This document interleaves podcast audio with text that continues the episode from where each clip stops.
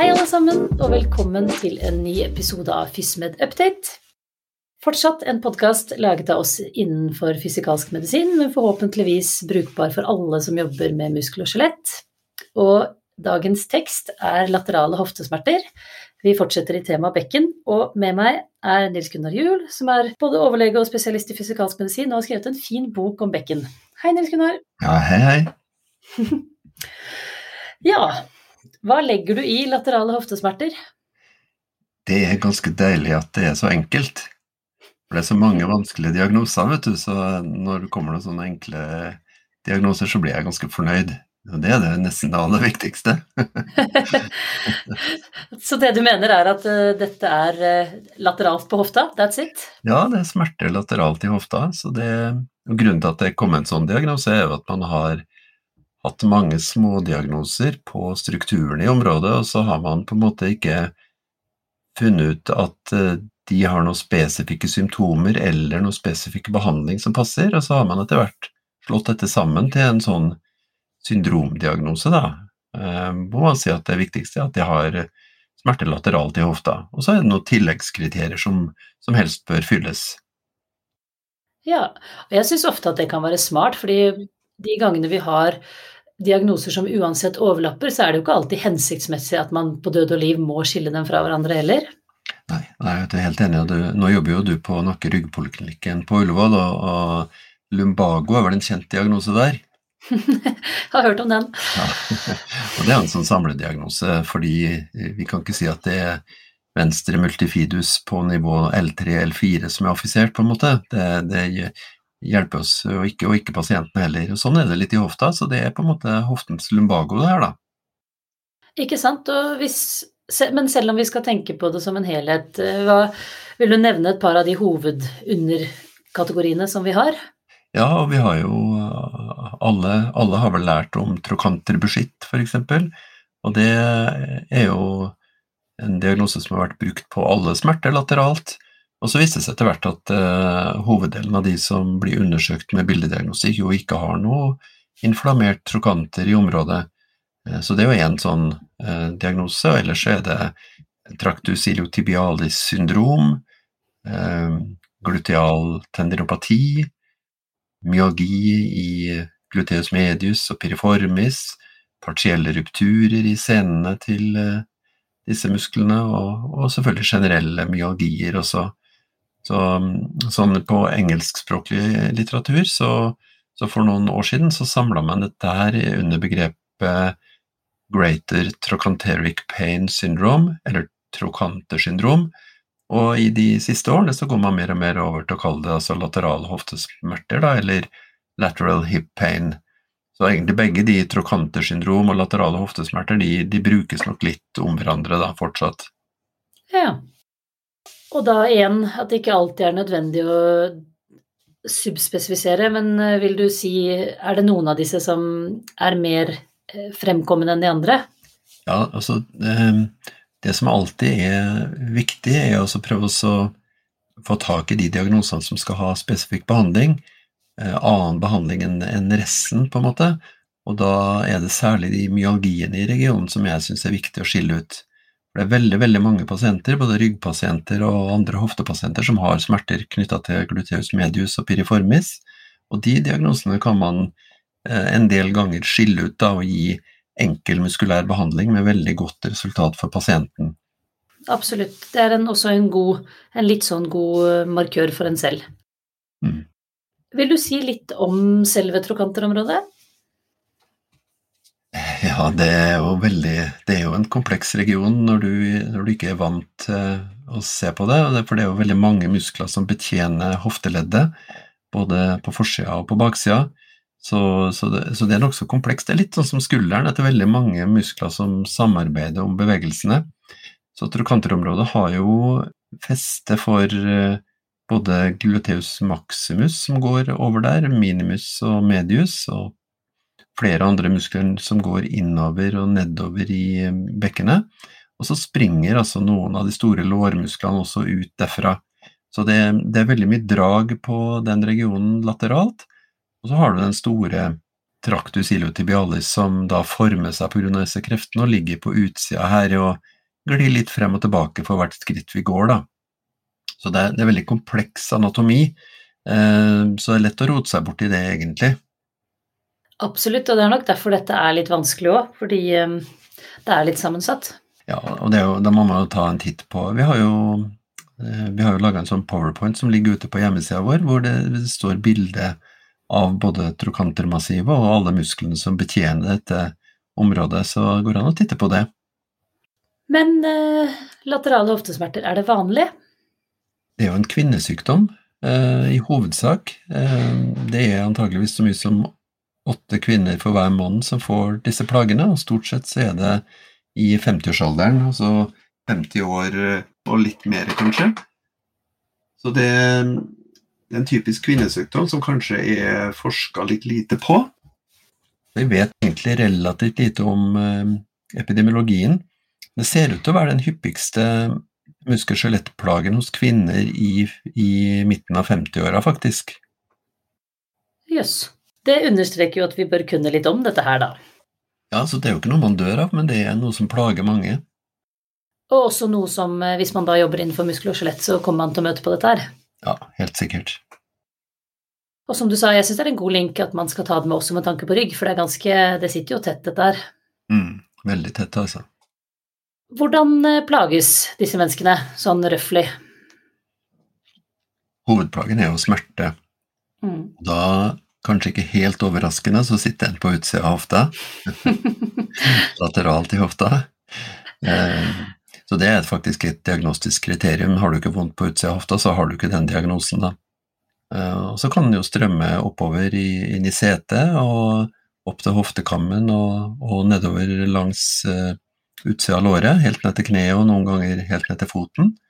Eh, vi tror vel at det stort sett er refererte smerter fra, fra de såre strukturene der oppe.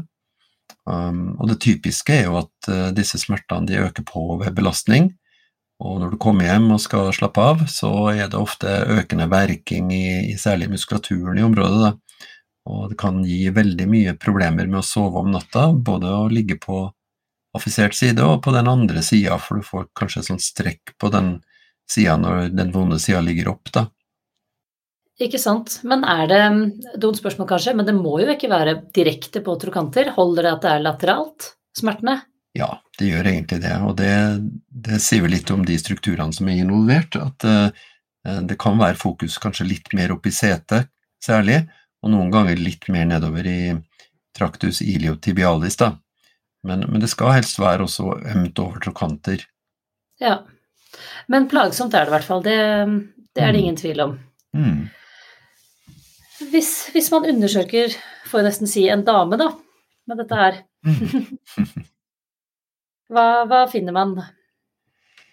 Ja, så sånn som doktor særlig, da, eller alle helsearbeidere egentlig, så må vi jo prøve å skille ut uh, differensialdiagnosene. Så da må vi undersøke uh, litt mer enn lateralt. Da, da er det jo særlig hvis det er utstrålende smerter, altså pass på at det ikke er noe radikulopati fra ryggen. Det er særlig L5 da, som kan gi den utstrålinga på utsida der. Eh, og så er det jo hofteleddet, som, eh, som jo kan være smertefullt. Eh, da, da, er jo smertene som regel i lysken, men, men et dårlig fungerende hofteledd kan ofte gi myalgier utover i setet og sånn, og kan, det kan ligne litt på laterale hoftesmerter. Så vi, vi må undersøke at vi ikke har eh, patologi i disse to stedene. Absolutt, og det, den L5 kan være tricky, fordi den, den Altså ideelt sett, lærebokmessig, så går den jo helt ut, men du kan jo ha kortere radikulopati mm. også, men det vil jo Får man prøve å nøste litt i anamnesen òg, da. Ja, absolutt. Og så gjør vi jo selvfølgelig en sånn god nevrologisk undersøkelse for å, for å se om det er noe affeksjon, så, så det, det, ligger jo i bånn, da. Ellers er jo undersøkelsen sånn som vi gjør det alltid på muskel-skjelettplager, at vi, vi, har liksom inspeksjon da, for å se om det er noen spesielle forhold, noen skjevheter eller andre ting, og så, så, undersøker vi funksjonen, og så gjør vi leddundersøkelse i regionen, da, hofteleddet særlig, og kanskje IS-leddet hvis det er spesielle forhold, og så gjør vi muskelundersøkelse og palpasjon, da, så at vi vi går igjennom det sånn systematisk, og da tar vi med ryggen, og vi tar med hofteleddet, selvfølgelig. vi undersøker. Og da tester du både kraft og lengde? Ja, ikke sant. Altså det, det, er jo litt viktig hvis vi først skal tenke på at kanskje gluteus medius piriformis kan være spesielt affisert. Så må vi gjøre en systematisk undersøkelse av muskelen, og det inkluderer, som du sier, undersøke isometrisk krafttest for å se om muskelen er smertefull når du tester. Det er nesten aldri ruptur i de musklene, det er bare veldig, veldig, veldig sjelden, så vi er ute etter smerte og om de har kraft nok. Og så undersøker vi om det er veldig korte muskler som profitterer på å tøyes. Og, og, særlig piriformis er jo, er jo, veldig lett å tøye, da. Så du, du tøyer vel på piriformis når du trener, Sigrid? jeg burde si ja. Jeg svarer ja. veldig bra, veldig bra. Men uh, vi kan jo snike inn at akkurat piriformis kommer vi til å lage en egen episode òg. Det er jo litt sånn en, en, litt egen nisje. Men jeg tenker at um, man skal ha med den i denne pakka her uansett. Ja, touche inn på altså nei, Den episoden om piriformis syndrom blir jo veldig spennende, altså. ja. Wait and Jeg kan ikke si wait and see, wait and hear. wait and hear. ja. Nei, så bare for, å, bare for, å, si det også, palpasjon av Vi må jo palpere de musklene også for å se om de er spesielt ømme. Og akkurat når det gjelder laterale hoftesmerter, så er faktisk palpasjon en viktig del av undersøkelsen. For å liksom bli enig med pasienten om at jo, det sitter her, og det sitter kanskje mest i musklene, da.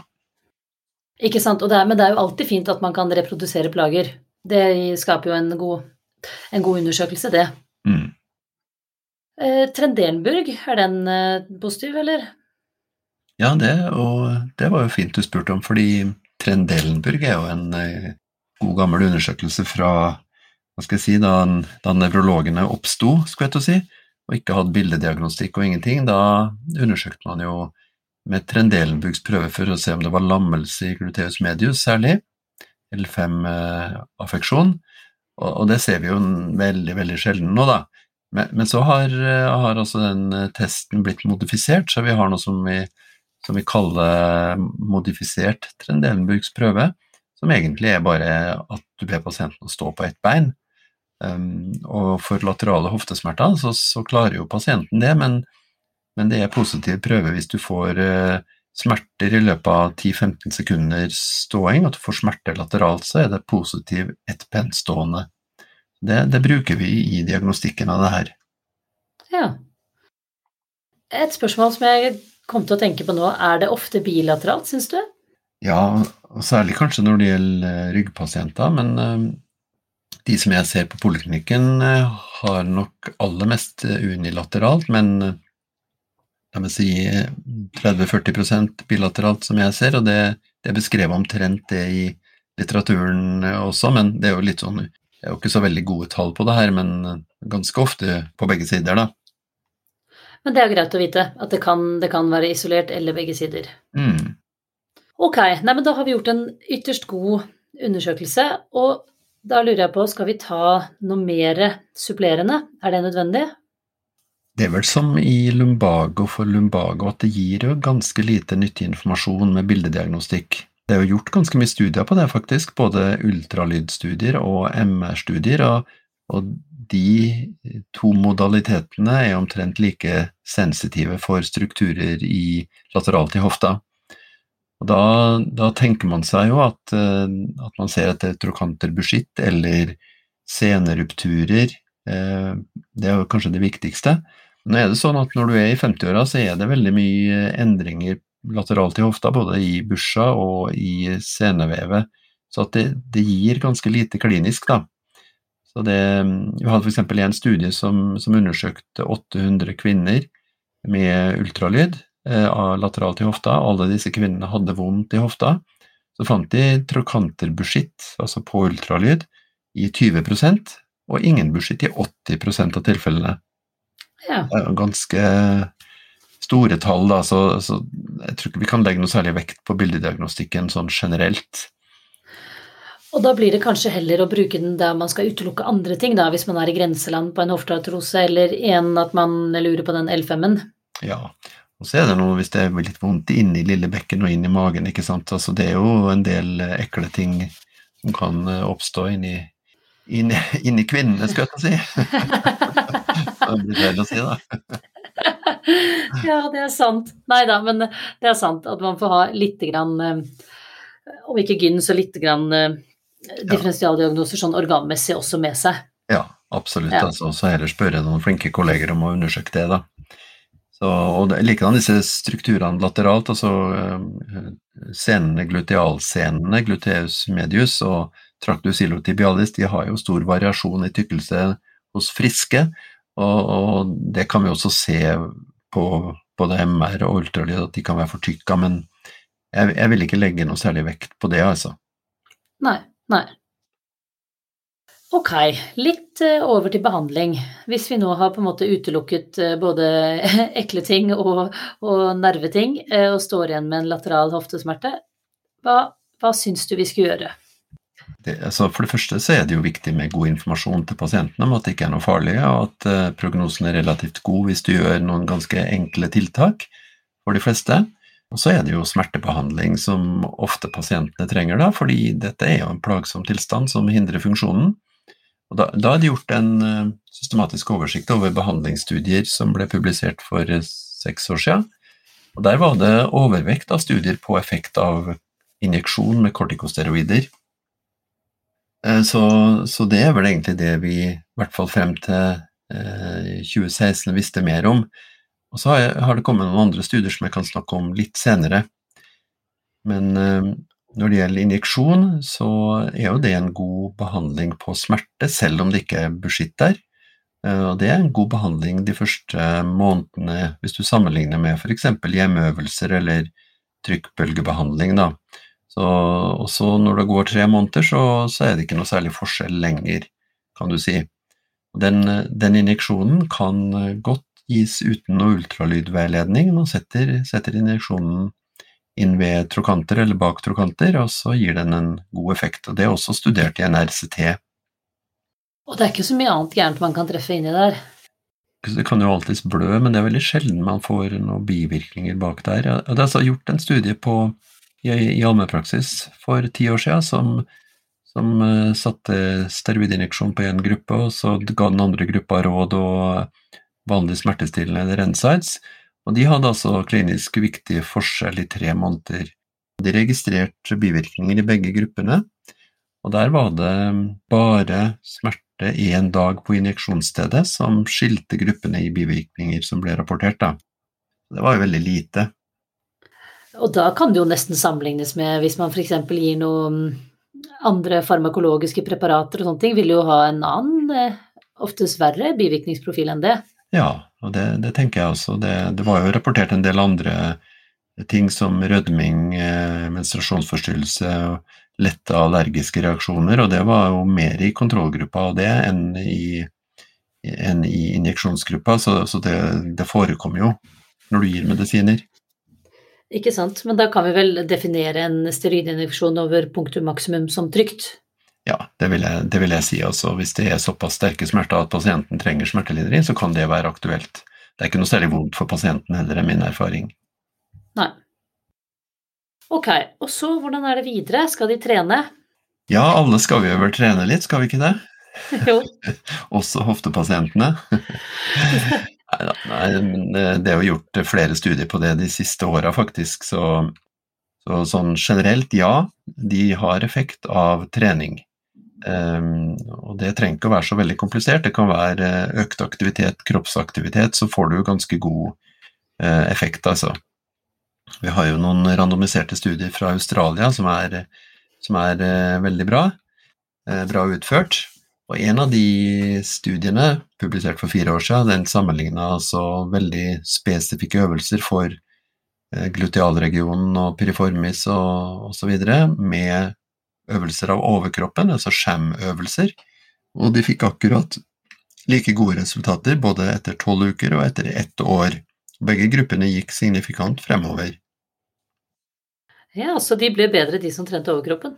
De ble bedre, så det ser ut som det er noe generell effekt her, da, eller så er det at de får informasjon om tilstanden og sånt, da.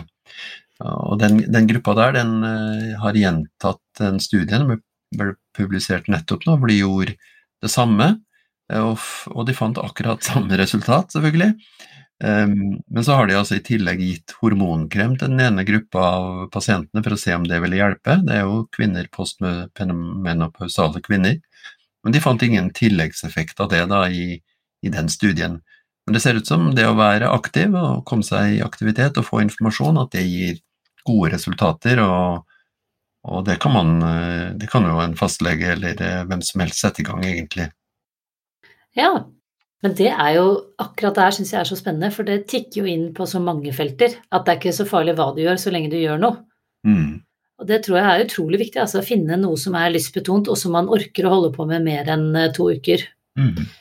Jeg er helt enig, og det, altså, og det vi ser i andre studier, er at eh, kanskje treningsgruppa, hvis du randomiserer til trening mot andre ting, så treningsgruppa de eh, har vel litt bedre erfaring med ting, de er litt mer fornøyde, de er eh, kanskje litt mindre sykefravær, selv om det ikke er helt signifikant, så de får en del tilleggseffekter, den treningsgruppa stort sett. Det er en annen australsk studie som har sammenligna trening med injeksjon og, og vente og se, og de, de hadde høyere fornøydhet da, blant pasientene som trente, da, mens resultatet sånn på smerte og funksjon var omtrent det samme etter et år. Ja. Mm. Det er jo, da tenker jeg i hvert fall at man med trygghet kan, kan prøve å få folk i gang. Mm. Og de som har lyst til å se litt mer på detaljene, så står det referanser og kurver og sånn i den eh, powerpointen som ligger på hjemmesida vår, da. Det er sant, og da kan vi jo også nevne at der eh, ligger det noen fine bilder av øvelser, og de øvelsene og undersøkelser finnes jo også fint på disse nettsidene vi har snakket om før, både fra fagbokforlaget som du har lagd, og fra UiO. Mm. Men eh, apropos komme seg i gang, hva er det fastlegen skal gjøre? Det, det er jo viktig å berolige pasienter, og pasientene kommer med smerte, og de har kanskje et funksjonstap eller er i ferd med å utvikle et funksjonstap, så er det jo å gjøre en undersøkelse og så berolige pasienten med god prognose, og kanskje gi smertestillende eller annen kortvarig behandling, og så stimulere til, til aktivitet over en relativt kort periode. Da. Så det, det hjelper jo ofte over noen uker. Og, og det er laga noen fine programmer som også ligger i denne powerpointen vi markedsfører så fælt nå, da, men veldig enkle programmer som, som, består av knebøy, en enkel sånn kjernemuskeløvelse, og så to enkle øvelser for piriformis og gluteus medius, som er veldig, veldig lett å gjøre noen få uker for pasienten. Det er veldig fint, så den, den anbefaler vi å se på, og da tenker jeg at vi kan jo egentlig oppsummere med å si at eh, laterale hoftesmerter er en eh, ganske vanlig sak, og det er en samlebetegnelse for, for smerter som sitter på yttersida av hofta. Og eh, det er egentlig ikke veldig viktig å subspesifisere, men man bør i hvert fall prøve å kartlegge om det primært er muskulatur som gjør vondt. Mm. Og så er, det, så er det en overvekt hos damer, og gjerne litt eldre, litt eldre damer. Og det viktigste, i tillegg til eh, en anamnese, er en god undersøkelse med tanke på både hoftebekken, men også utelukke både rygg og hofteledd. Og har man kommet så langt, så kan man vurdere om man vil prøve en kortisoninjeksjon for smerte, og hvis ikke, så er det aktivitet som er behandling nummer én. Så blir jo eventuelt eh, analgetika og sånt støttebehandling, da. Absolutt, altså. Så det, da kommer man veldig langt. Det er veldig få som trenger noe ytterligere utredning eller viderehenvisning, vil jeg si. Ikke sant. Mm. Nei, men da tenker vi at alle er ferdig utlært om dette her. Ja. Og det er bare å kjøre, kjør på nå. ja. Ok. Tusen takk. Flott. Ha det bra. Ja, ha det bra. Ha det.